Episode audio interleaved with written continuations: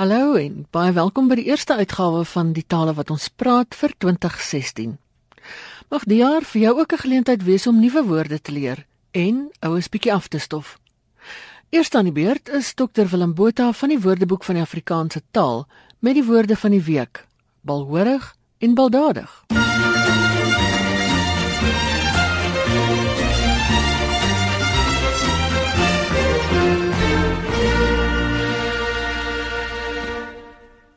Goeiemôre luisteraars. Uh vanmôre gesels ons oor balhoorig en baldadig. Nou balhoorig kan ook die wisselvorm hê baloorig. Nou balhoorig het, het drie basiese betekenisse. Die eerste een is moedswillig doof vir die bevele van jou meerders of doodgewoon ongehoorsaam of uh uitgelate onregeerbaar. Dan kan dit ook beteken doof gemaak deur geraas of vermoer maar hierdie betekenis is bietjie verouderd. En dan kan dit derdens ook beteken knorrig of nikkerig. Uh soos in 'n sinnetjie oupa het seker sleg geslaap, hy is die hele oggend al so balhoorig. Nou waar kry ons balhoorig vandaan? Soos 90% van ons woorde kry ons dit van Nederlands. En die Nederlandse balhoorig is saamgestel uit bal wat boos of sleg beteken en hoor wat natuurlik dieselfde betekenis as Afrikaans het. So dit beteken letterlik om sleg te hoor, bal sleg en oorig om te hoor. So dit is hoekom dit basies beteken ongehoorsaam, jy luister nie, jy hoor sleg of dis ook natuurlik hoekom dit die verouderde betekenis het van doof gemaak deur geraas beteken, want bal is boos en dis sleg, jy hoor sleg. Baldadig het twee betekenisse. Baldadig kan eerstens beteken uitgelate, spelerig of moedswillig. Jy sal sê die jong kalwers is vandag baldadig, ons het almal gesien hoe spring kalwers met sulke stywe bene of 'n perd word baldadig as hy te lank op stal gestaan het. Maar baldadig kan ook beteken geniepsig, moedswillig, uitgelate, kwaaddoenerig. Die baldadige stakers laat geen eersame burger met rus en vrede in hulle opstand nie. En baldadig weer eens uit Nederlands en daardie bal van baldadig beteken net soos behoorig beteken dit sleg en dadig is net soos Afrikaans dadig so dis eintlik misdadig of 'n slegte daad of 'n bose daad. En ehm um, dit is maar waar hierdie uh, moedswilligheid hierdie geniepsigheid waar die kwaaddoenerigheid wat die wat nog die verband het met daardie bose daad of daardie misdadige betekenis van baldadig in die ou dae Nou 'n ander woord wat wat lyk na baldadige maar hoorig is Bali en nie die faadjie nie maar die Bali in die hof.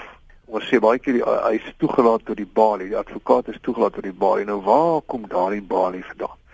Daardie Bali is 'n afgeslote ruimte uh, in 'n geregshof en dit hou verband met die oud Franse woord bai wat 'n slagboom is. Nou die betekenis is dan oorgedra op die ruimte in die hof omdat die regslei in 'n ruimte sit wat deur 'n houtreëling wat aan 'n slagboom herinner van die van die publiek afgesluit word. So daardie houtreëling herinner aan die balie of die Franse woord by die slagboom en daarom praat ons van hulle sit in die balie wat toegelaat tot die balie dit verwys terug na 'n slagboom. Iets oor borgewoord. Almal is welkom om deel te neem aan borgewoord. Enige iemand kan enige Afrikaanse woord vir 'n 100 rand borg en elkeen wat deelneem ontvang 'n sertifikaat van die WAT met sy naam en die woord of woorde wat hy geborg het. Borgskappe van R5000 per woord is eksklusief en niemand anders mag daardie woorde borg nie.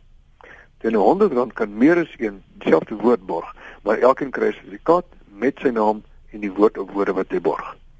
Daar is twee pryse van R25000 op die spel, ag 'n prystrekking wees en twee gelukkige deelnemers gaan elkeen R25000 wen. Elkeen wat 'n woord borg, kry ook nog op die koop toe 6 maande gratis toegang tot die aanlyn WAT en indien jy 'n woord eksklusief borg vir R5000, kry jy 5 jaar gratis toegang. Vir volledige besonderhede oor borgewoord kan u gaan na ons webtuiste by www.wat www.co.za. Wat kosa? Of jy kan ons telefonies skakel by 021 8873113. Ek noem graag 'n paar interessante borgskappe van die afgelope tyd. Afriforum borg self doen en enkel medium eksklusief. FJ met ton borg hartklop eksklusief. En dan het Andrew Coulson ah, van Uppington se wêreld die woord poenonkies geborg. Nou poenonkies is 'n woord wat nogal deesdae meer en meer bekend raak. Hy's veral bekend in die Kaap. Dit beteken oulik. Jy sal sê is die dogtertjie met haar twee vegsels nie te poenonkies nie. Nou Andriel het ook 'n ander interessante woord by 'n vorige geleentheid geborg, naamlik Turk. Maar daar by Appington en al langs so Oranjerivier af gebruik hulle geen ander woord vir 'n akedus as 'n Turk nie. En jy kan hom met 'n u of 'n u spel soos Turk of.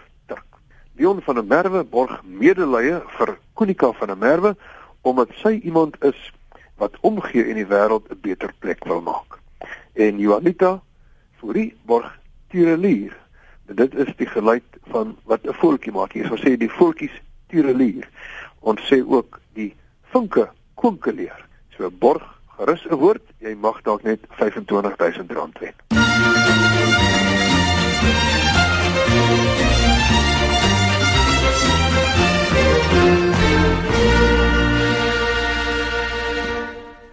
Was dokter Willem Botha van die Woordeboek van die Afrikaanse taal. Nou vir woorde van ander aard. Verlede jaar het die Oxford Dictionary die emoticon teken as sy woord van die jaar aangewys en Litnet het die hitsmerk as sy woord van die jaar aangewys. Ek het die bekende taalkundige professor Ernst Kutse gevra wat die tekens in taalkundige terme genoem word en hoekom dit as woorde bestempel kan word. Uh ja, dit is natuurlik verskillende uh soorte tekens.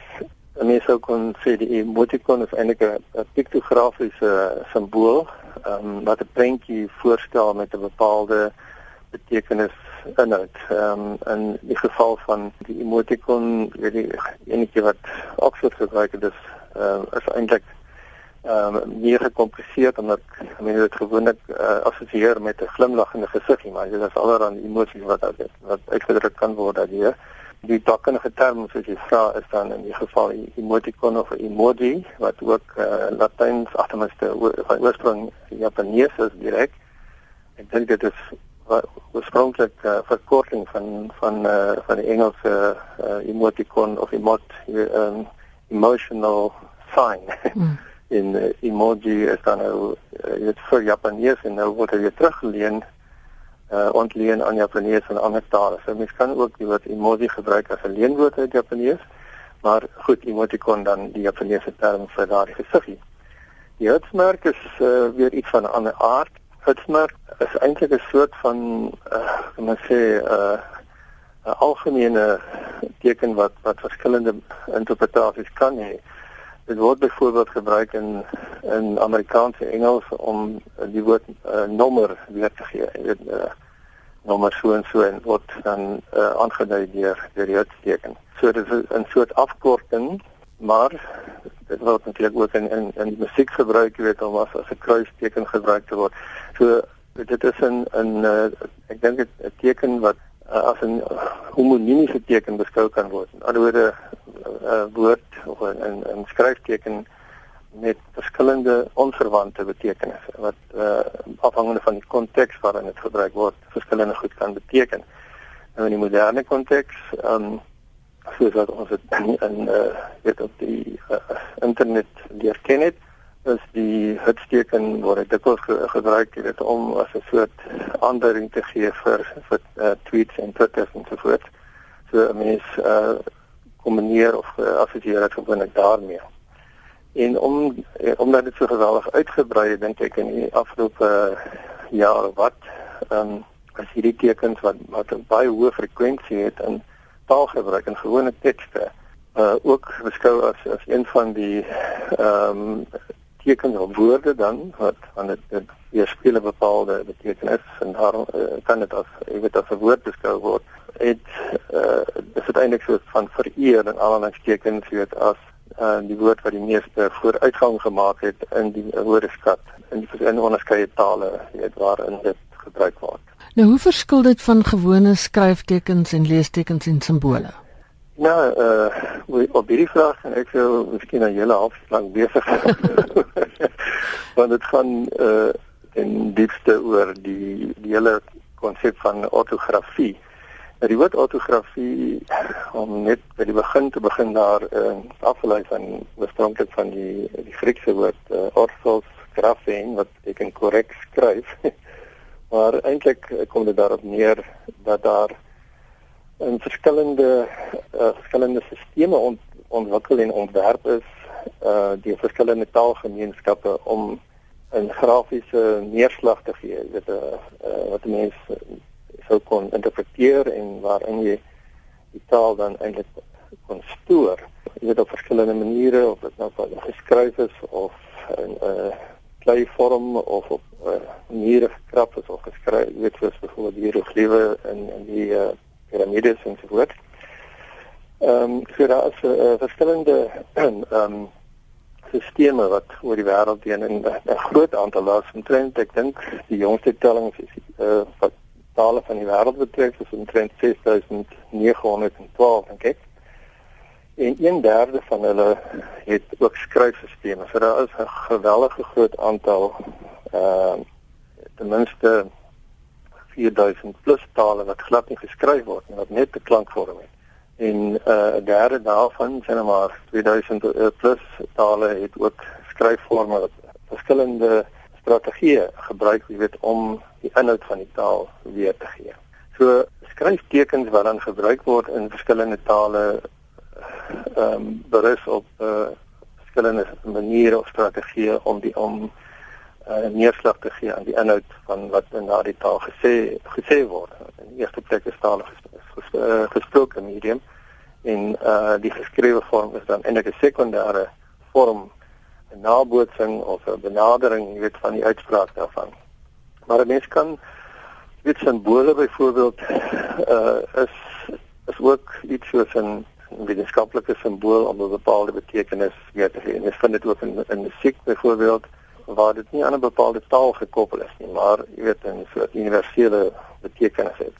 Verskillende uh, skryfstelsels in die, in die wêreld uh, maak gebruik van byvoorbeeld skryftekens of leestekens wat weer uh, help om om 'n bepaalde teks korrek te lees en maar iets soos weet 'n punt wat ek al of 'n komma punt ensovoorts wat in as 'n hulpteken of 'n hulpmiddel is weet om 'n bepaalde teks um, te struktureer of uh, te fraseer, jy weet te pauseer selfs ook so 'n komma byvoorbeeld terwyl dit maar skryftekens nou weer daarop neerkom dat mense uh, 'n bepaalde keuse uitoefen sinne maar uh, gebruik hoofletter by eie naam en so voort. Daar is met ander woorde bepaalde konvensies wat wat geld in opsigte van die verskillende skryfstelsels.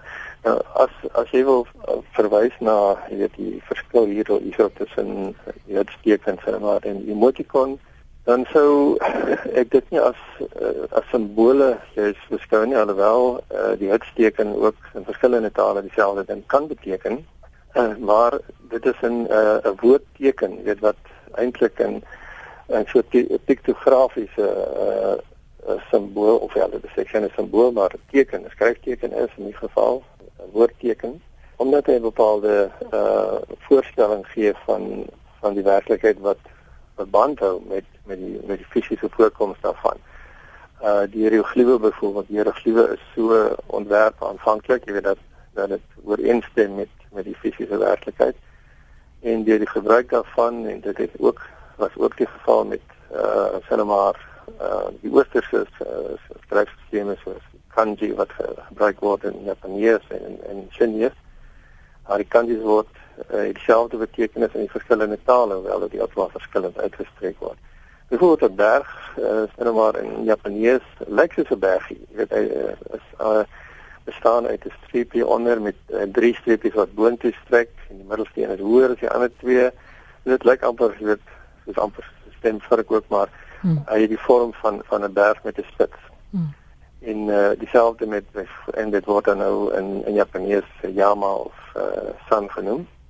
Fujisan of Fujiyama en uh, word vir hulle maar uh, rivier. Uh, lyk ook eintlik soos is drie streepies wat langs mekaar loop wat uh, die vorm aanneem dis met ander woorde van lopende water.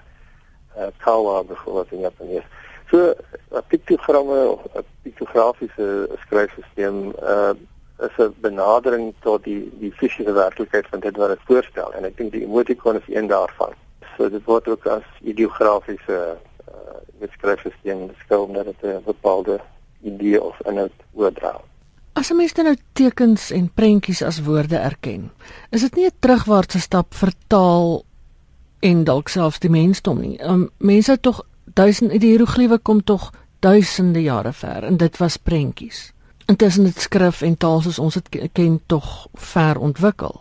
Ek ja, ek dink die aanname wat jy maak is dat daar 'n bepaalde ontwikkeling van prentjies na klanke toe uh plaasgevind het. Dit uh, eenvoudiger is uh, om prentjies te skryf as om uh klanktekens weet om te vorm dat dit 'n uh, moeiliker stelsel is. Dit is uh, eintlik daarom nie so nie. Ehm um, ek weet die die eerste mense het begin skryf hierso in die in die bronstyd in die laat neolitiese era. En die eerste byvoorbeeld die wigskrif uh, dit was nie dit was die heel eerste skrif. Dit was 'n uh, die spykerskrif wat 3100 jaar voor Christus ontwerp is in die Sumeriese ryk. Uh, was nie prentjies gewees nie dit is dit het bepaalde idees uitgedruk. Die piktografiese skrif is maar een moontlike opsie um, en kan geweldig gekompliseerd wees as jy weet as mense nou vandag as jy nou maar kyk na die na die uh, ortografie van van die uh, Chinese en Japanees, dan uh bestaan so een enkele karakter uit 'n aantal stro, jy weet uh hale wat wat jy eintlik uh, moet soms tot 15, 16 hale streepies wat jy trek wat elkeen 'n bepaalde betekenis komponent verteenwoordig. Nou dit was oorspronklik beskryf of ten minste ehm um, jy weet 'n prentjie uh idee geweest, maar hy het uit uh, al hoe al hoe ingewikkelde geraak. En dit is nie die enigste enigste manier weet waarop 'n mens dit kan weergee nie. As as mense groot klanke wil weergee dan is is baie van hierdie van die die klanksimbole juist gebaseer op elemente van van die uh piktografiese karakters. Uh woorde so groot geneem en daardie streep streepie is weet uh, aangepas by uh, en en en herhaal in ander forme wat waar dit dieselfde klank weergee. Nou hmm. een taal soos Japanees is, is een voorbeeld daarvan wat ideografiese karakters het aan een kant, maar dit kombineer met met silabiese karakters. Met ander woorde uh uitspraak tekens wat wat uh, byvoorbeeld sê maar die, die grammatikale uitgang van 'n bepaalde woord weergee. So ehm um, Ek dink dit is 'n bietjie gevaarlik om te sê ons het van prentjies ontwikkel na weet na alfabet. Mm -hmm. alfabet is eintlik ek dink 'n uh, waarskynlik 'n baie eenvoudiger en 'n meer basiese weergawe van van gesproke taal. Uh, met ander woorde wat mense dan vind in 'n 'n alfabet is wat ons ken, sê nou maar in Afrikaans en Engels en die uh, meeste westerse tale is 'n nabootsing van uitspraak. Terwyl ehm um, prentjies byvoorbeeld baie ek dink meer ingewikkeld is in terme van hoe jy dit weergee in taal. Mm -hmm. Dan moet jy moet dit interpreteer met jou verstand. en ek dink dit dit stel soms nogal heelwat hoër eise aan 'n uh, aan 'n mens se intellek om 'n ideo uh, ideogram of 'n piktogram te interpreteer as om sê maar 'n vaste silabiese of 'n alfabetiese stelsel weet 'n klank en en, en oor te gee wat wat ook dan nog nie beteken dat jy dat jy weet wat die woord beteken nie. Ja.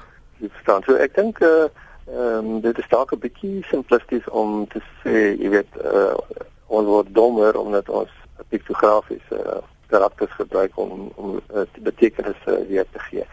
Ek dink dis dit is ehm um, is nie dit is dit is natuurlik afsonderlik dit word naas die die uh, alfabetiese stelsel gebruik wat ons wat ons ken. Maar uh, ek dink nie dit is noodwendig iets wat met minder intelligensie verg om te interpreteer nie.